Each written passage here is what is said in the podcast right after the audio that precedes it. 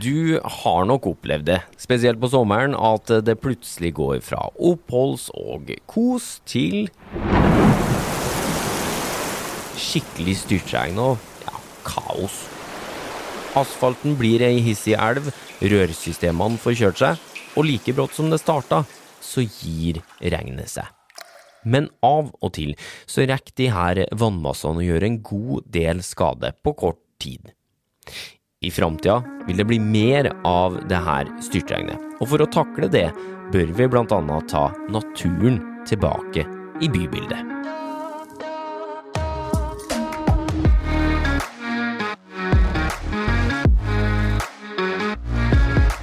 Du hører podkasten Smart forklart med Aksel Faanes Persson. Hjertelig velkommen til en ny episode av Smart forklart, podkasten fra oss i Sintef der du risikerer å bli litt klokere og få litt større tro på framtida for hver eneste gang du lytter innom.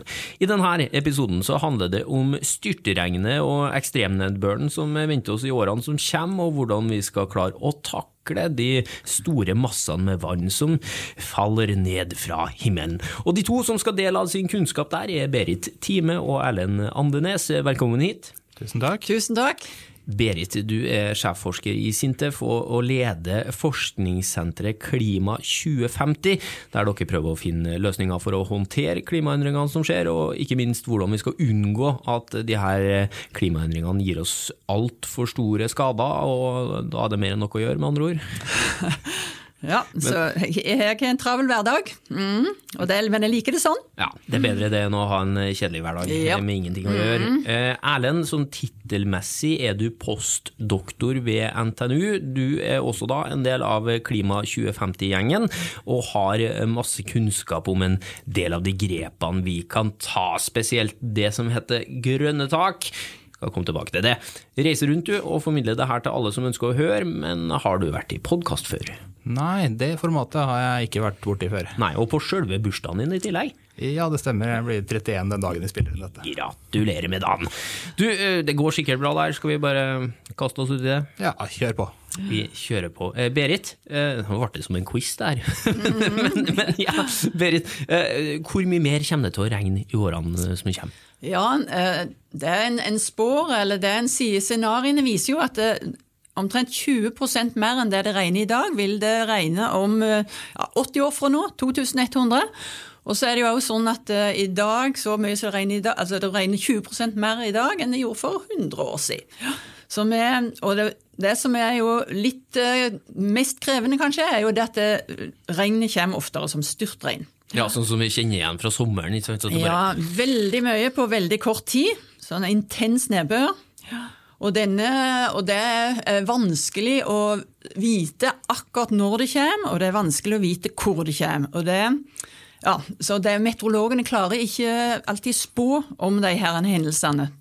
Det gjør det spesielt vanskelig. Og det var faktisk sånn at på Meråkerbanen opp til, til Sverige ut fra Trøndelag, så var det et sånn liten hendelse i forrige uke som eh, gjorde at eh, banen, ja, togene ikke kunne komme forbi. Det var to skred som, som eh, ja, eh, gikk over banen. Og ingen verken visste at det kom til kom, og ingen hadde faktisk registrert det. Det var så lokalt. Ja, Såpass, ja. Det kom litt overraskende på? Det det? Det kom veldig overraskende på. Ja, og for deg da, noen som sitter nå kanskje og hører det her i november og tenker «Hæ, gikk det ras der i forrige uke? Nei da, eh, det her blir spilt inn eh, 10. juni. For deg som eh, hører på når vi snakker en stund, er altså det datoen. Eh, men, eh, men tilbake til utfordringene her nå, for hvorfor er det her med at det er greit at det har jo allerede økt med 20 mer regn, sier du, sammenligna med 100 år tilbake i tid, og så vil det øke eh, 80 år fram i tid med 20% mer, og det vil komme i form av styrtregn en del av det. Overraskende sådan, men hvorfor er det her en utfordring for oss? Det er jo det at eh, systemene, altså eller det bygde miljøet og våre systemer der, eh, klarer altså ikke Vi har ikke kapasitet til å ta unna så mye vann på så kort tid, sånn som vi har bygd fram til nå. Uh, og så er det jo sånn at det, ja, det er problem for bygninger. så Det, det renner kan jo renne vann inn i bygningene når det er, flommer i gatene og flommer rundt bygningene. Og så er det jo også sånn at eh, jo mer vi bygger i i, i byene, og jo tettere blir overflatene. Mer og mer asfalt, for Mer og mer asfalt og mindre og mindre eh, grønne flater. Og Det gjør jo også da at vannet ikke klarer å få infiltrert, og, og en har ikke noe å bruke til å fordrøye vann, så det bare det renner, renner av. Ja, for asfalt suger ikke til seg vann, det er bare Nei, asfalt det, det sørger bare for at vannet enten bygger seg opp, eller at det, hvis det er helning, så renner det videre. Sånn er det. Så Vi får òg kloakk i kjellere, det er jo en sånn typisk konsekvens. Så det er mye litt sånn kjedelige konsekvenser av dette. her. For det er jo sånn at eh, når regn faller i naturen, hvis du tenker at det regner ute i skauen, så vil eh, etter at det har truffet bakken, omtrent 50 av dette vannet det vil sive ned i bakken. eh, I sånn infiltrasjon, som det heter. Av resterende 50% så vil da 40 av disse prosentene bli liggende på overflaten. Altså ting er vått. Det er vann på blader, vann på trær, vann i gresset. Vått, rett og slett. Og det vil eh, tørke etter hvert, altså fordampe opp i lufta. Og de siste 10 prosentene er det som renner av på overflaten ute i skogen. Det er det som danner bekker og sånt der. Fordi rett og slett det er mye overflate som vann kan sive ned i eller henge seg fast på på overflaten. Mens byer består av mye glatte, harde, tette overflater. Så da er det bare 15% som klarer å finne veien gjennom sprekker og i blomsterbed og små plener og sånt ned til grunnen. 30% ca. en tredel, vil bli liggende på overflatene og fordampe. Men 55% av det som regner, det vil da renne av på overflaten. Så Det er det vannet vi må slite med. Og det betyr jo også at når byene blir tettere, så vi, får vi mer overvann som renner av på overflaten. Eh, ikke bare fordi det regner mer, men rett og slett fordi vi tetter igjen de flatene regnet kan bli borte på. Så det er på en måte et eh, problem med to sider her. Da. Det ene er at vi får mer regn, og det andre er at det miljøet vi oppholder oss i, ikke klarer å suge til seg like mye Nei. som skog gjør. Og det- bygges mer, så da eh, det problemet blir jo ikke lettere å løse sånn sett. da. Men eh, hvordan, eh, det bringer oss til tittelen på denne, denne episoden. altså Hvordan kan vi takle framtidas styrtregn? da? Ja, um, kan jo si på måten vi har takla styrtregn på før, som vi gjør i dag, det er jo å bygge et såkalt overvannsnett. Altså rør under gatene hvor dette regnvannet kan renne ned i sluker og rister, og så i rør ut i renseanlegg og ut i nærmeste fjord, vann, elv. Såkalt resipient. Da. Problemet er jo at dette her overvannsnettet det har jo en kapasitet basert på tidligere normer. Si at i på 1950-tallet, da man eh, bestemte seg hvor store sånne rør som man skulle bygge, så regna det ikke like mye som i dag. Det var ikke like tett som i dag. Så den kapasiteten i ledningsnettet er jo mindre enn det vi trenger nå, når vi har mer avrenning og mer regn. Rørene er for smale, rett og slett? Ja. Ja. Og man kan jo se for seg hvor omfattende operasjonen det er å grave opp en bygate for å bytte det røret. Og hvis du bytter røret på ett sted og gir god kapasitet nedover Storgata, men røret i enden av Storgata er det samme som ble lagt på 1970-tallet, så ender det jo opp med at du får flom nederst i Storgata. Så da må du kanskje bygge deg videre gjennom eh, la oss si det heter Kirkegata, og grave opp hele den også. Og lage større rør der. Og så kommer du til Fjordgata, og så er det samme problemet på nytt. ikke sant? Så du må jo bytte alle rørene hele veien til havet hvis du skal løse dette på gamlemåten. Ved å rett og slett bare skyfle vannet unna ned i rør. ja. Det ligger et men i lufta her. Ja, det lar seg jo gjøre, men, Ja, men Det ligger et men med håp her, for men det finnes løsning. Det det Ja. du skal si? Vær så snill. Ja, Yes. det er eh, rett og slett å la være å pøse alt vannet ned i disse rørene, i hvert fall samtidig. For det som gjør at røret blir fullt, er jo at det er for mye vann samtidig. Så hvis du klarer å porsjonere det ut på en måte, at du får eh, samme mengde vann, men at du strekker det over to timer istedenfor én time, hvis det regner i én time, og så kan du la halvparten av vannet renne av mens det regner, og så tar du andre halvparten ned i rørene etter at det har slutta å regne i løpet av den timen, da, så vil jo det eksisterende røret være stort nok. Eh, Så må du bare ha en måte å bremse eller forsinke den avrenninga på, eventuelt et sted å mellomlagre vannet. Og det er vel konseptet mange av løsningene baserer seg på, da, egentlig. Mm. Fordi eh, det man har eh, liksom delt det inn i, da, eh, en tretrinnsstrategi, har jeg forstått Påker. Og Berit, hva er det for noe? Ja, Og det er den moderne måten å tenke eh, hvordan vi skal ta, ja, håndtere alt regnet på. Og det er som, navn, som ligger i navnet, det er altså du tenker tre trinn. Det første trinnet det handler om det hverdagsregnet, det som ikke er så, så kraftig. Og Det prøver du å infiltrere. Og det vil si f.eks. at du på en plen så vil vannet da renne rett gjennom. Eh, trinn to, da prøver du å få, da er det litt mer regn, det det er litt større regnet. Og da prøver du å eh, fordrøye det. Og Det kan du f.eks. gjøre eh, hvis du har en forsenkning i plenen din, og det kan være en andedam. Det kan skje gjennom nedgravde tanker, det er ganske vanlig. Og så har du da den tredje, tredje trinnet i tretrinnsstrategien, og det handler om det store vannet. Altså når du har behov for å lede vekk flomvann. Og da må du ha noen sånn trygge flomveier. Og det kan være, det kan være en bekk, men det kan òg være ei gate som er dimensjonert og lagd til for å være en flomvei, og f.eks. lede vannet ned til havet. da. Mm. Istedenfor at det renner inn i kjellerne, så blir det leda ut til sjøen. For et eksempel på såkalt eh, trygg flomvei, det er jo et område som kan settes under vann. Enten at det blir en elv eller at det blir en liten sjø en liten periode. At man ofrer noe?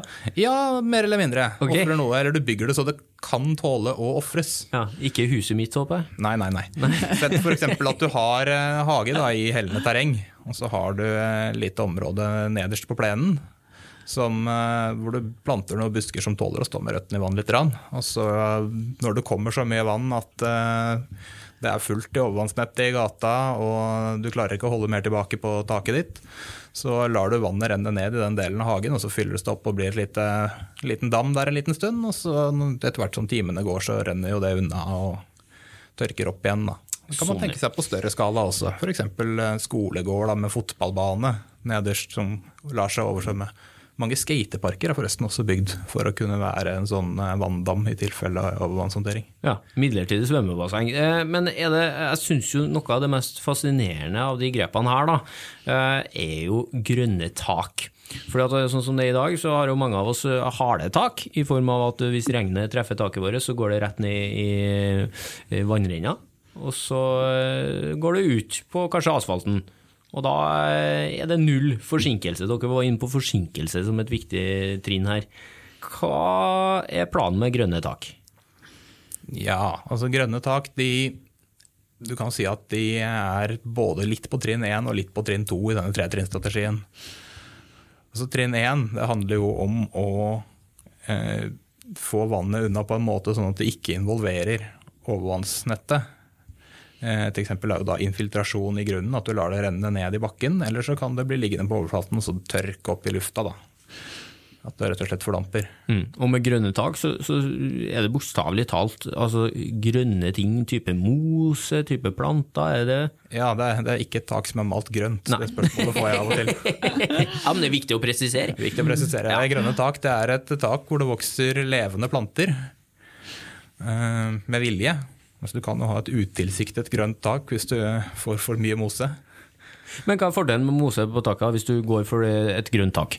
Ja, Det fungerer jo som en slags svamp, da. Som rett og slett suger til seg vann når det begynner å regne. Og holder det vannet tilbake kanskje til det har slutta å regne og alt vannet som rant på gata har rent vekk, så kan det begynne å renne vann av taket ditt. Og hvis det kommer veldig mye regn, nok til å mette denne mosen eller denne svampen med vann, så vil det fortsatt ta litt tid. Sånn at de første si ti minuttene av styrtregnet, så vil det ikke renne vann av taket ditt. Det vil rett og slett bare fylle opp taket. Og så kan det da forhåpentligvis renne fra seg i gata, sånn at eh, overvannsnettet bare tar unna den mengden vann som ligger i gata før det da begynner å renne fra taket i tillegg. Hjelper til å gjøre mengden vann eh, mer eh, spisbar, drikkbar, eh, rett og slett, da, for, ja. for disse rørsystemene våre. Er det sånn at jeg bare kan gå hjem og etablere det på taket mitt nå i dag, eller? Mm, Eh, både ja og nei. Men for det, det, er jo noe med Når du skal bygge sånne grønne tak, så, så er det jo noe med Det, det veien noe. Det kommer litt an på hvor, hvor mye sånn svampmasse, kall det det, du, du skal ha i, i, taket, og hvilken type eh, ja, Om det er plen eller om det er sedum. Det er ulike typer. Sånn, det grønne, da. Og det trenger ikke være grønt. Det kan òg være at du, du, legger andre dekkemateriale. En, en, kaller det ofte grønne tak, men det er egentlig altså oppholdsrom. Det er jo ofte det òg en ønsker å, å, ha når en bruker grønne tak. Oppholdsrom, altså takterrasse? Ja, takterrasse. Og ja. Sånn at eh, Så det er, og så er det jo noe med liksom basisen. Er huset ditt egnet? Så jeg må kikke litt nærmere på det. da, så Det er ikke alle tak som er egnet. Men eh, noen er det. Men er det fordeler og ulemper? Altså Fordelen, vi får eh, stansa litt eh, vann, eller senka eh, mengde vann som kommer samtidig ned på bakken. Det, ja. Og ulempen er at kanskje ikke huset ditt dimensjonert, eller boligen du bor i dimensjonert. Det er jo på en måte, men det går det jo an å gjøre noe med. Men altså, en av de si, Det som er krevende med det, og kanskje er en ting som en er redd for, det er jo det der Hvis det blir en taklekkasje, så er det mye vanskeligere å finne. Altså, hvor er hullet? Det, eh, og det, sånn at det, det, som vi er veldig opptatt av, er jo det der at en må bli litt flinkere når en skal bygge sånne type tak i byggeprosessen. Sånn at en får redusert risikoen for at en gjør en feil. For det å feile akkurat her er ikke det er enklere på de svarte takene. Men er, nå er vi jo inne på noe av det dere driver på å forske på òg, da. Mm. Eh, fordi ikke bare hvordan kan vi løse det her utfordringa, men også hvor godt forberedt er dagens bygg på økt mengde nedbør og styrtregn? Eh, og, og, hvor godt forberedt er eh, byggene våre på det? Altså det? det? vil jo da bli en ekstra belastning i form av mer vann. Mm. Og mm. styrtregn har jo alle som har følt det på kroppen, det er nå litt som hagl, det. Mm. Ja, og igjen, det er litt sånn Noen bygg er godt forberedt, andre er kanskje ikke så godt forberedt. Og, og, og klart, eh, dette at det blir mer nedbør, vil jo vise Altså, det vil være noen bygg som kanskje det går greit i dag, men det vil ikke gå greit i framtida. Sånn at det er noe med at og vi må, må flytte uh, Altså, Risikoen blir større, og da må vi òg si, gjøre ting litt bedre for å få redusert risikoen. Og så er det det, Nå snakker vi veldig mye om det der ekstreme været, men jeg, vi er òg veldig opptatt av den der litt gradvise endringen i eh, hverdagsværet. For det er faktisk sånn at, uh, altså at litt mer regn, og så blir det òg litt varmere, det gjør jo at det gror. Altså, det gror bedre på bygninger. Så vi får mye mer sånn biologisk vekst. Grønske, som vi kaller det på Jæren. Uh, og så er det jo sånn at det, treverk vi, vi, ønsker å bruke mer treverk, uh, for det er, det er jo materiale som er hva skal jeg si, ja, er, altså, fornybare materiale, men det har jo den ulempen at det råtner. Og klart Med mer regn så vil risikoen for at det råtner være større. Sånn at her skal vi balansere ganske mange forskjellige ting i et framtidig klima. Men eh, la oss eh, gå tilbake til tretrinnsstrategien her nå. for Nå har vi snakka om de grønne takene. Helt fantastisk ja, hvis det kan begynne å komme og poppe opp, for det er jo fint å se på. Og hvis det i tillegg har en eh, veldig god funksjon for å ta unna styrtregn, så er det bare gull. Eh, men, men hvilke andre grep har vi når det kommer til å, å forsinke vannmassene? Nei, altså det er jo ikke sånn at du trenger å ta i bruk taket hvis du har andre arealer som er egnet. Mm. Hvis du har veldig god plass, altså hvis du har eh, låve ut på et jorde, så klarer jo jordet å ta unna vannet alene.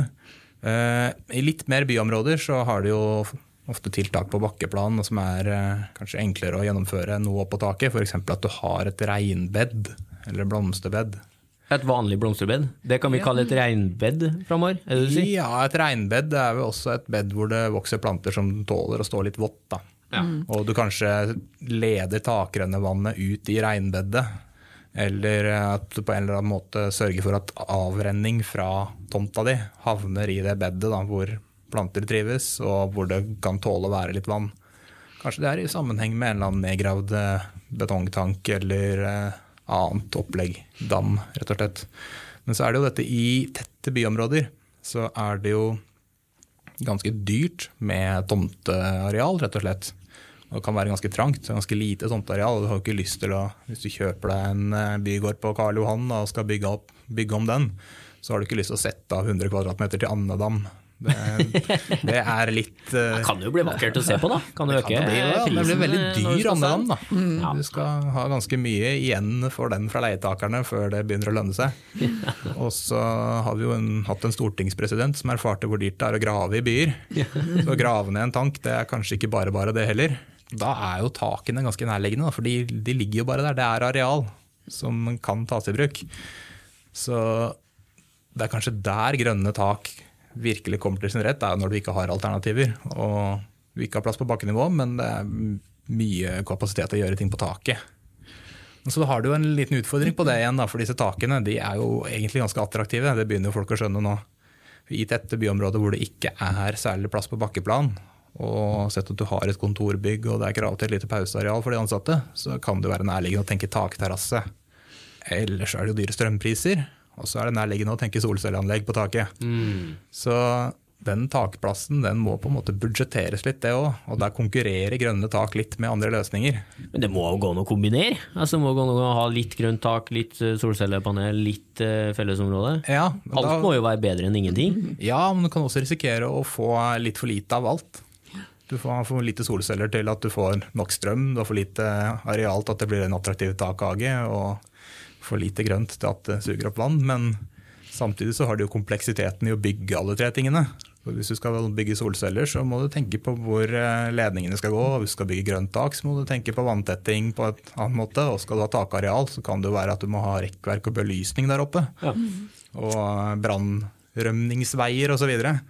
så hvis du kombinerer alle disse tingene, så får du alle ulempene, men du får bare deler av fordelene hvis du kombinerer flere ting på ett tak. Men hvis vi er flinke nå og tar i bruk en, en god del av de trinnene her i tretrinnsstrategien, så, så vil det jo hjelpe ganske mye, da? Eller hvor, hvor mange grønne tak trenger vi for å, for å Ja, være trygg?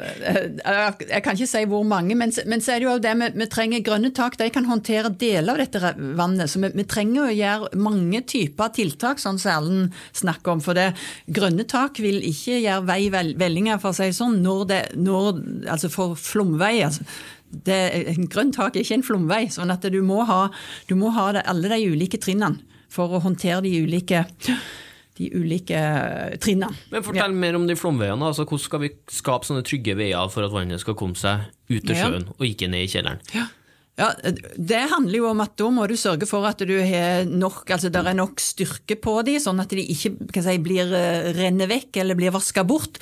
Og må, du må sørge for at det er fall, nok fall, sånn at de ikke bygger seg opp og begynner å flomme, altså at det renner inn i en kjeller istedenfor at det renner ned veien. Ja, Ser vi for oss at det blir grøfta opp, da, f.eks. langs Det, gågata det det er en mulighet, men så, og der var vi jo innom og dette med spesielt når du bygger i tette byer, hvor det er en kamp om arealene.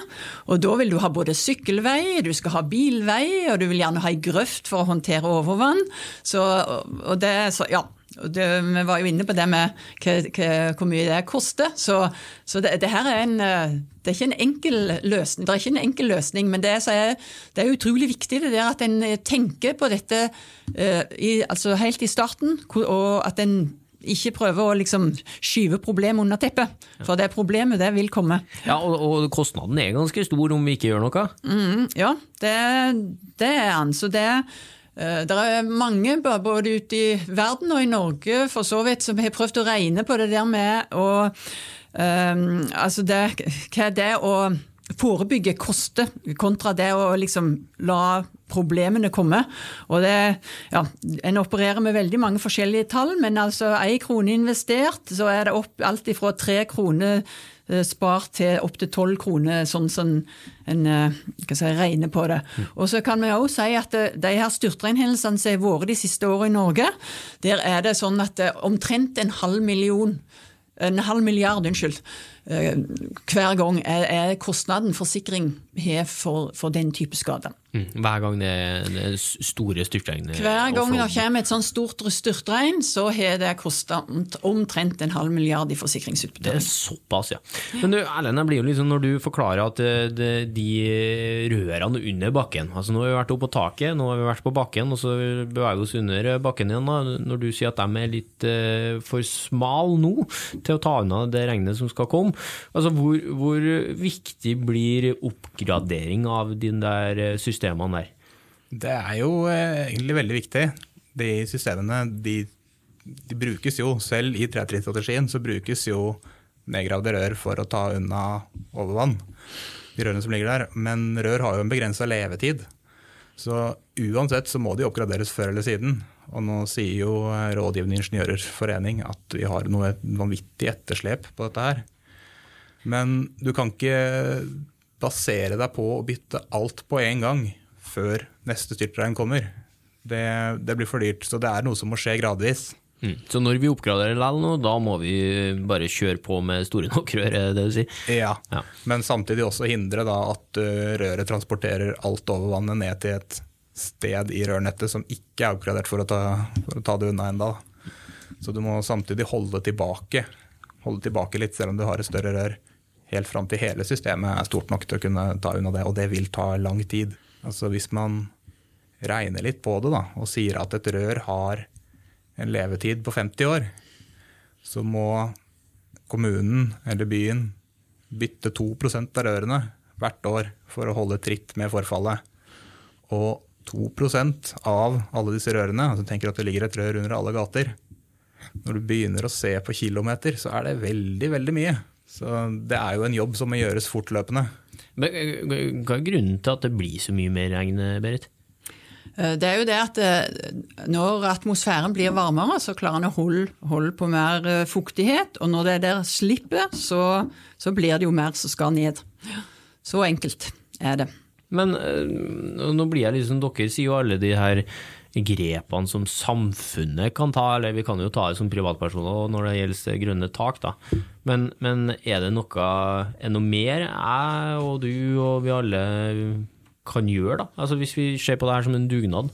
Eh, ja, altså det, det enkle og det som jo faktisk Trondheim kommune gjorde her når det var varsla et stort regn, var jo ba alle innbyggerne å, å gå ut og, så, og si, sørge for at eh, sluka rett ut i gata var, var at det ikke var noe som blokkerte sluk. Uh, Så, så det er jo en del du kan gjøre. Du kan òg altså Har du kobla Har du en, en liten bolig og som med taknedløpet ditt er kobla på overvannsnettet, så kan du òg frikoble det hvis du har en plen, så det kan eh, renne ned på. Og du, du bør jo òg passe godt på eh, at du rensker taknedløp, sånn at, det, at du ikke får skade på bygningen når dette eh, vannet eh, kommer.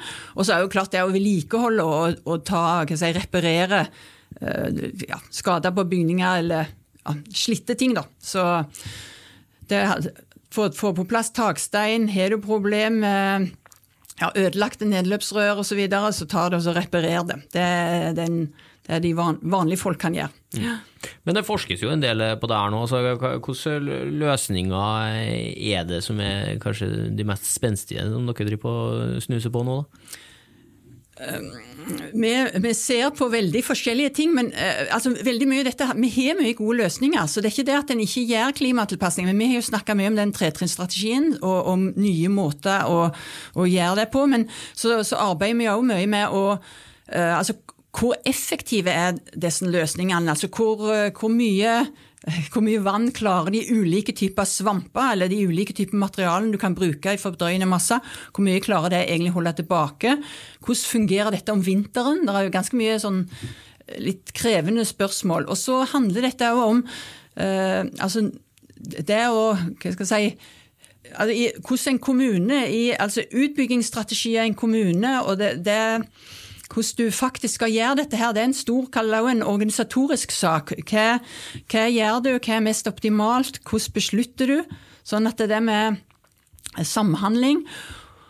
eh, er en viktig ting. Og så har du òg det der med Det er faktisk 60 000 bedrifter i Norge innenfor bygg og anlegg. Alle disse her må lære eh, liksom litt mer enn det de kan i dag om, om disse problematikkene. Og det er over 250 000 ansatte rundt i disse bedriftene. Sånn det, så det er et ganske stort kunnskapsløft ute i bedriftene, ute i kommunene, som må si, få dette litt mer under huden og, og, og, lære hva som skal til. da. Mm. Ja. Men altså, hvor godt forberedt er vi, da? Eh, det, det, det forskes på det, det, det, det finnes jo noe grep her. Ja. Eh, men, men, akkurat nå, hvor godt forberedt ja, er vi? Riksrevisjonen hadde jo nettopp en rapport som var ganske nedslående med tanke på hvor godt forberedt eh, vi, er. Sånn at så her må vi ta tak og jobbe. Mm. Men vi er jo ikke alene om denne utfordringa. Det er jo ikke bare oss i Norge i verden. Nei, rein det er ikke like norsk fenomen som eh, skigåing og hardingfele. Det regner jo overalt i verden. Uh, enkelte steder nede i tropene og sørlige breddegrader så har de jo virkelig mye regn. Og da har de jo uh, løsninger som er ganske kule. Ja, Fortell om noen av dem, da. Ja, uh, en park jeg har vært og besøkt i Singapore i forbindelse med en klassetur. Det var ganske stilig. Det var en grønn dal Eh, med en liten bekk helt nederst. Når det var vanlig vær. Og når det virkelig styrtregna, og styrtregn det er noe som kan skje i Singapore, da kan du nærmest svømme oppover, eh, så ble den dalen mer og mer oversvømt med vann. Men den var bygget sånn at plantene som var nederst i dalen, kunne rett og slett stå under vann. Og samme med gangstiene og alt mulig rart. Så der ble det jo en skikkelig elv når det regna. Og så trakk vannet seg tilbake, og så var det park. Genialt. Og så Et annet eksempel på flomveier, det kan vi jo ta fra USA. Det er kanskje verdens mest kjente flomvei er jo Los Angeles Spillway. De som har sett eh, Terminator 2, en kjent film i sin tid. Og den scenen hvor Arnold Schwarzenegger og han lille gutten kjører på motorsykkel mens det kommer en sånn eh, skummel Terminator i en lastebil bak, det er filma rett og slett i eh, den trygge flomveien som går gjennom Los Angeles. Okay. Den der svære, brede betongdalen den dukker opp i masse Hollywood-filmer. Jeg snakker jo der, der, folk ofte blir skutt. Ja. Uh, nedi der gangstere går nedi for å skyte på hverandre, eller har rap battles, eller altså der det er rett og slett en tidenes betonggrøft med brua over og sånn. Den er lagd rett og slett for å ta unna det regnet. Altså. Jaha, ja. ja. Det visste jeg ikke. Spennende. Du, eh, men eh, mens du er inne på gode bilder her og sånn, da. Eh, når det 20 sier dere at det kommer til å regne mer da, i, i årene om 80 år. Men når det styrtregner, klarer du å gi oss et bilde på hvor mye vann som kommer? Ja, for én millimeter nedbør, det er jo én liter vann per kvadratmeter. Og et skikkelig sånn regnskyll i f.eks. Oslo, 20 års regn, altså regn som oppstår i gjennomsnitt en gang hvert 20. år, så er det 40 millimeter på to timer. Og det vil da altså si 40 liter vann per kvadratmeter. Og hvis du tenker deg bygg som Slottet i Oslo, det er ca. 4500 kvadratmeter med tak.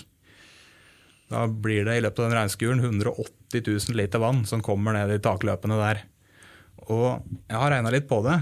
Det er faktisk 1200 eh, gardister i Kongens garde. Og med de 180 000 literne vann så kunne du kobla på en slange på taknedløpene, og så kunne du fylt et badekar til hver gardist. Bare med takvannet. Ja. Hvor mange liter vann så det var? 100 180 000 liter vann. Ja, Det var ikke småtterier for hver gang det styrtregner? Ja, for én skur da, på Slottet i Oslo. Ja. Og så kan du tenke deg Slottsplassen i seg selv er jo 30 000 kvadratmeter. Da kommer det nok vann til å fylle et dugelig stort svømmebasseng hver gang det kommer en sånn skur. Riktig. Jeg kan bare lede det vannet bort til Frognerbadet. Men eh, jeg tenker det er jo eh, det er litt skummelt å høre sånne bilder som det der, men det gir jo litt håp inni her òg, for vi har jo tydeligvis en oppskrift klar for å takle det her. Eh, og for å oppsummere litt, da, Berit, hva er, det, hva er det som mangler da, for at vi skal få de her grepene ut i virkeligheten? Ja, nei, Vi må jobbe på mange fronter, men vi må lage oss, få oss en nasjonal plan for klimatilpasning. Og, og, så er det jo sånn at det, eh, Vi må ha et stort kunnskapsløft, for det er veldig mange som, skal, som har behov for uh, å øke kunnskapen sin. Og så bygges det jo hele veien. sånn at det, hvis, hvis en i hvert byggeprosjekt får til litt mer enn det en greide i det forrige, så, så ja, så blir det her bra etter hvert, men, men må, nå må vi ta tak og jobbe. Mm. Klar eh, oppfordring nå til alle som sitter her og, og skal eh, sette i gang svære byggeprosjekt. Eh, Vurder da, blant annet grønt tak. Så blir Berit og Erlend her veldig glad, og så blir vi andre får muligheten til å gå rundt tørrskodd òg. Berit og Erlend, takk for at dere delte av kunnskapen deres her i Smart forklart. Sjøl takk, det var fint å være her. Ja, det var veldig hyggelig. Interessant. Det er bra. Det var interessant å høre på dere òg. Eh, takk også til deg som hører på oss. Vi begynner å bli en skikkelig stor gjeng, og det er helt fantastisk. Eh, Men den gjengen har alltids plass til flere, så du må gjerne spre budskapet om Smart forklart til alle du kjenner, sånn at vi får servert litt framtidshåp til enda flere der ute. Og har du noe på hjertet, ris, ros eller innspill til hva vi bør snakke om i denne podkasten, så kan du sende oss en e-post når som helst til smartforklart alfakrøll sintef.no. Smart forklart i ett ord, sintef.no. Ferskt eh, forskningsstoff eh, finner du alltid hos sintef.no, sintef-bloggen eller gemini.no. Nye episoder av Smart forklart kommer om ikke så altfor lenge, og i ventetida fram til da skal forskerne her i Sintef fortsette å utvikle teknologi for et bedre samfunn.